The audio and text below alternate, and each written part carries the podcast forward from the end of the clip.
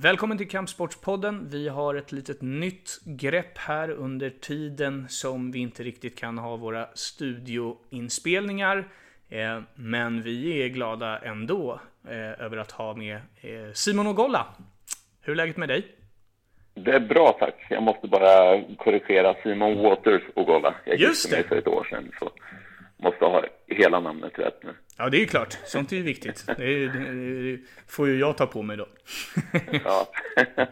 Du, det är ju faktiskt så för den som är lite kuriosa-intresserad. Du var ju med i det allra första programmet vi spelade in i den här podden för tre år sedan ungefär.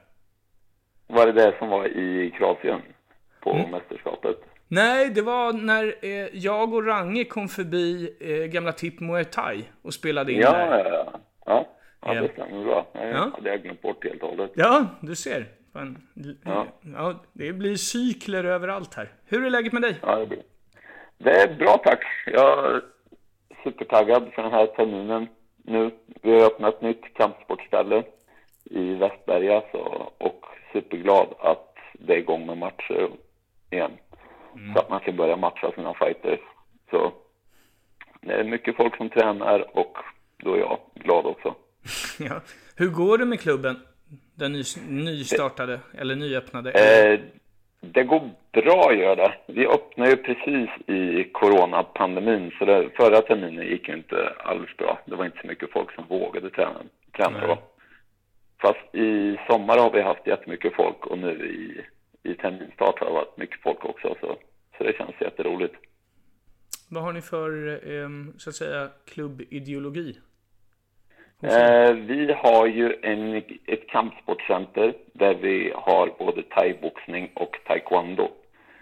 Eh, är de två kampsporterna vi kör. Och det är jag som, eh, jag är huvudansvarig för thaiboxningen och så är Pernilla Johansson ansvarig för taekwondo-delen. Så, ja, så försöker vi ha skön stämning och försöka matcha folk och försöka få folk så bra som möjligt. Mm. Möjligt. Du, det var, jag, jag tänkte på det här eh, för ett tag sedan när det gäller dig. Det var ett tag sedan, tiden rullar, rullar ju på här. Det var ett tag sedan du slutade tävla själv nu. Ja, jag slutade tävla för tre år ungefär. ungefär gjorde jag. Och eh, var väl lite trött på att träna för tillfället då. Och kände att jag hade svårt att få ihop det med, med träningar, svårt att få ihop det med sparringpartners i min storlek och sådär. Och kände att jag, jag behövde en liten break och var sugen på att, att göra någonting helt eget och, och coacha istället. Var det en självklarhet för dig att du skulle vara kvar i kampsporten även efter elitaktiva karriären? Eh, Ja, inte, inte direkt tror jag inte, för då var jag så mättad på just att jag har tränat så mycket under så, så, lång, så lång tid, så intensivt. Så då behövde jag bara en liten eh, kort paus, men sen efteråt så, jag älskar ju thaiboxning och tycker det är superroligt och gillar själva gemenskapen som kampsporten ger. Så det, så det vill man tillbaks till sin andra familj i kampsporten. Mm. Var det, var det så att säga en självklarhet att du skulle ta dig an en, en coachsyssla då inom kampsporten? Eller, för det finns ju många olika delar av kampsporten man kan syssla med som ledare. Men var just coach Ja. en stor liksom, Ja. vilja? Jo, men det, det var det nog eftersom jag, jag kände när jag, när jag tävlade själv så, så kände jag att under träningar och sånt så bruk, brukade jag hjälpa till och hjälpa till att coacha och, och så sen så brukar jag hjälpa till min, min tränare David Bernt. Jag hjälpa honom eh, under matchen när jag själv inte matchade och tyckte att det var jätteroligt och vara med och, och hjälpa till och försöka förbättra folk och stötta dem i deras fighting och vet själv när man, när man fightas hur, hur påfrestande det kan, kan vara mentalt. Och kände att det kan vara roligt att vara på, på andra sidan också. Det är inte lika nervöst när man själv går match. Men att man har varit med själv så man kan vara med och stötta folk. Så man vet vad de själva går igenom och sådär. Ja, precis. Det är ju många som säger det, att just den här äh, känslan av när man är inne i en match själv, då känner man inte nervositet på samma sätt som man gör när man är utanför det hela. Eh, Nej, Nej det, det är lite olika nervositet Innan match så är det mycket, mycket värre, tycker jag i alla fall, att, att vara den som ska fightas. Men sen under själva matchen, om man själv fightas så, så är man inte nervös i matchen. Men när man coachar så är man mer nervös under själva matchen än, än innan. Så det, det är lite olika för fighter och, och för coach. Mm. Du var ju en, en väldigt teknisk fighter, en väldigt eh, rörlig fighter. Mm. Är, är, är det någonting som du tar fasta på när du liksom, så att säga, lär ut till andra också? Eller hur, hur vad, vad, ser du som dina absolut största eh, förtjänster som, som, som tränare? Eh, ja, jo men jag, jag vill ju att mina fighters ska vara smarta fighters och inte, inte ta, ta stryk i onödan och vara duktigt, duktiga tekniskt så att de inte behöver typ, ta i onödan och sådana saker. Så jag försöker ta med det, det jag lärt mig med blick och distans och, och, och rena tekniker så att man är så effektiv och, som möjligt.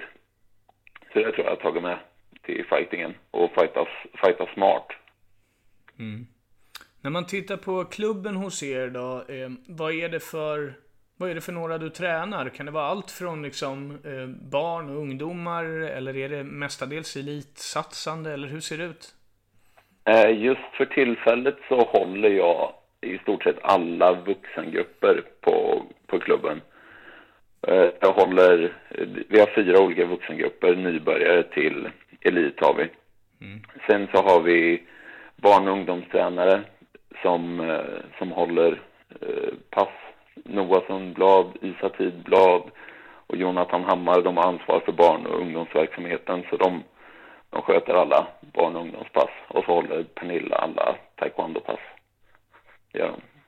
Så, mm. så jag håller alla nivåer, allt från totala nybörjare till sådana som har gått 30-40 matcher också. Så det är jätteblandat där. Det låter ju väldigt utvecklande. Ja, det är, det är jätteroligt där. Och det, det är roligt att se utveckling på alla olika nivåer. Alltså, det, det är väldigt olika i de olika grupperna. Men det är jätteintressant, jätteroligt med alla grupper. Mm. Utifrån, hur, utifrån ditt perspektiv då med, med liksom den bakgrunden som du har. Eh, vad skulle du säga är liksom det allra roligaste i, i coachandet? Eh, alltså jag tyck, eftersom jag själv har fightats på rätt hög nivå så, så tycker jag det är roligt att försöka få fram, få fram fighter för att göra dem så bra som möjligt. Så jag, jag hoppas och tror att vi kommer vara en av de starkaste klubbarna i, i Europa i framtiden. Så vi, vi satsar stort och ska bli superbra. Hoppas att vi ska ta mycket medaljer, både nationellt och internationellt, och komma ut och fightas mycket proffsmatcher och sånt. Så det ser jag fram emot. Mm. Du sa en gång till mig, kommer jag ihåg, att du hade väldigt lätt för att snöa in på saker. ja, eh. det stämmer.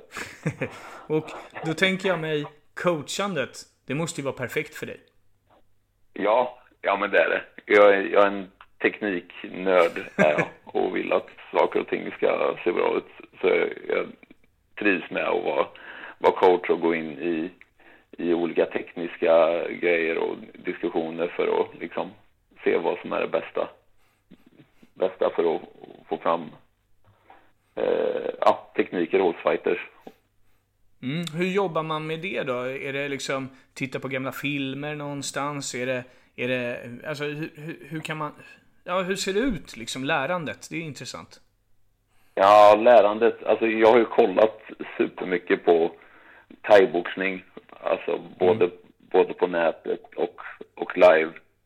Sen så försöker man ta med sig sådana saker som har funkat för, för mig själv i fightingen också och vet olika matchsituationer där vissa saker är bra, vissa saker är dåliga. Så försöker man utifrån det eh, få fram det bästa. Sen så tycker jag att jag har haft jätteduktiga coacher genom genom min karriär. Så att jag tycker att jag har fått med jättemycket från, från dem. Jag har haft jätteduktiga thai-coacher, jag har haft jätteduktiga boxningscoacher också. Mm. Så de, det är de jag har fått mest utav.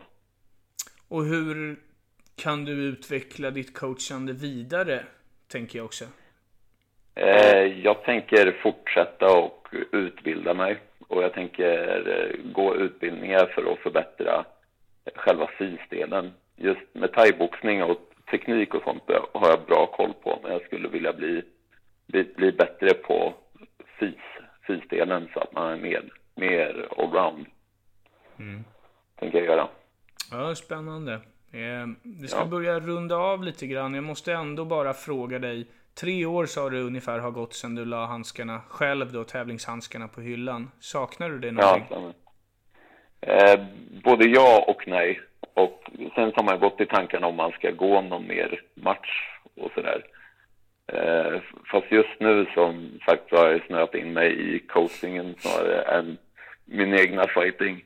Och jag, jag coachar och håller pass sex dagar i veckan. Så det är svårt att hitta den egna glöden till att, att, att träna själv. Mm. Hade... Men, eh, och, och, och sen just med nervositet och sånt så det är skönt att just slippa den pressen som är på en inför, inför matcher konstant. Du, jag hade ja. lite tur som fick tag i dig för den här intervjun. Eh, ja. vi, vi, sprang ju på varandra här igår. Du firade du firade eh, ett års, eh, ettårsdagen, eh, gift i ett år, eh, igår. Ja, exakt. och ja. Både du och jag hade ju ett, ett trevligt firande där vi samlades någonstans och kastade lite, lite skräp liksom. ja. ja, återvinningen är det romantiska som finns. Det är där det händer alltså. Simon, stort tack för att du tog dig tid. Stort ja, lycka till med allting i, i, i framtiden och på återhörande. Du får hemskt gärna vara med i den här podden igen. Ja, roligt. Ja, jag är jättegärna med.